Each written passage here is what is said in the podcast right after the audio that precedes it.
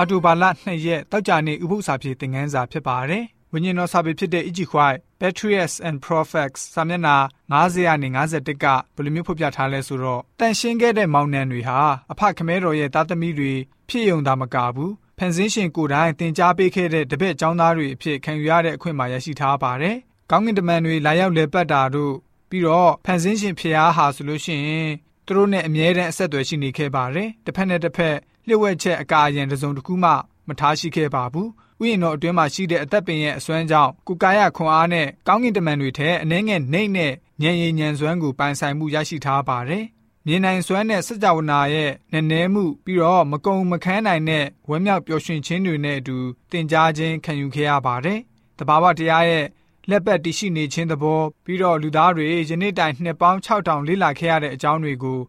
ဖန်ဆင်းသူထိန်းကျောင်းသူကိုယ်တိုင်ကနေသင်ကြားပို့ချပေးခဲ့ပါတယ်။တစ်ပင်တစ်ရွက်ပန်းကလေးတွေ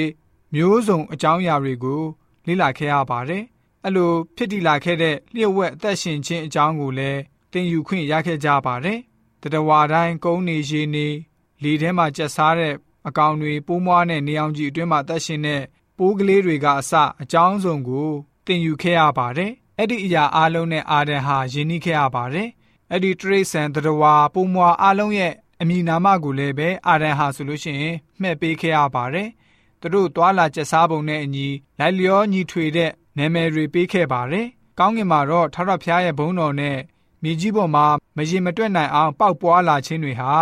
အစီအစဉ်တကျဖြစ်လာခဲ့ပါတယ်။မူကောင်းငင်တိမ်နိုင်ကြီးတွေဟာလည်းပဲဟန်ချက်ညီညီနဲ့လွင့်မျောသွာလာနေပါတယ်။ အတန်နဲ့အလင်းရဲ့လျှို့ဝှက်ချက်နင်းနဲ့ညဖြစ်ပေါ်လာပုံအဲ့ဒီအရာအားလုံးကိုလည်းပဲကျွန်တော်တို့ရဲ့မိဥဖဥဖြစ်တဲ့အာရန်နဲ့အေဝါတို့ကသင်ယူခဲ့ကြရပါတယ်။တောတောင်အတွင်းမှာရှိတဲ့တစ်ရွက်တိုင်းပြီးတော့တောင်ပေါ်မှာရှိတဲ့ကြောက်ခဲကလေးတစ်လုံးကအစလင်းလက်နေတဲ့ကြဲကလေးတွေမြေအောက်မှာရောလေထုတွင်းမှာရောမိုးကောင်းငင်အာကာသမှာရောဖျားရှင်ရဲ့နာမတော်ရေးထိုးသမုတ်ထားခြင်းခံခဲ့ရပါတယ်။ ဖန်ဆင်းခြင်းရဲ့အစီအစဉ်တကျဖြစ်တည်ခြင်းကတော့အဲ့ဒီဖန်ဆင်းရှင်ရဲ့ဘုံတကူတော်နဲ့ဉာဏ်ပညာတော်ကိုညွှန်ပြနေပါတယ်။ကျွန်တော်တို့ရဲ့မိဥဖာဥဖြစ်တဲ့အာရန်နဲ့အေဝါတို့နေထိုင်ခဲ့ရတဲ့အခြေအနေကတော့ချစ်ချင်းမြတ်တာရစ်ပတ်ချီနှောင်ထားပြီးတော့တန့်ရှင်းလက်ဆက်တဲ့ကျေးဇူးတုတ်ပြန်ခြင်းတွေနဲ့အမြဲတမ်းရှိနေခဲ့ရတယ်ဆိုပြီးတော့ဝိညာဉ်တော်စာပေဖော်ပြချက်အပြင်တောက်ကြနေဥပု္ပ္ပစာဖြည့်သင်ခန်းစာကဖော်ပြထားပါတယ်။ဥပု္ပ္ပစာဖြည့်သင်ခန်းစာတစ်ကတော့ဒီလောက်ပဲဖြစ်ပါတယ်။ ဥပု္ပ္ပစာဖြည့်အစီအစဉ်တင်ဆက်သူကျွန်တော်ဆက်စောက်ပါ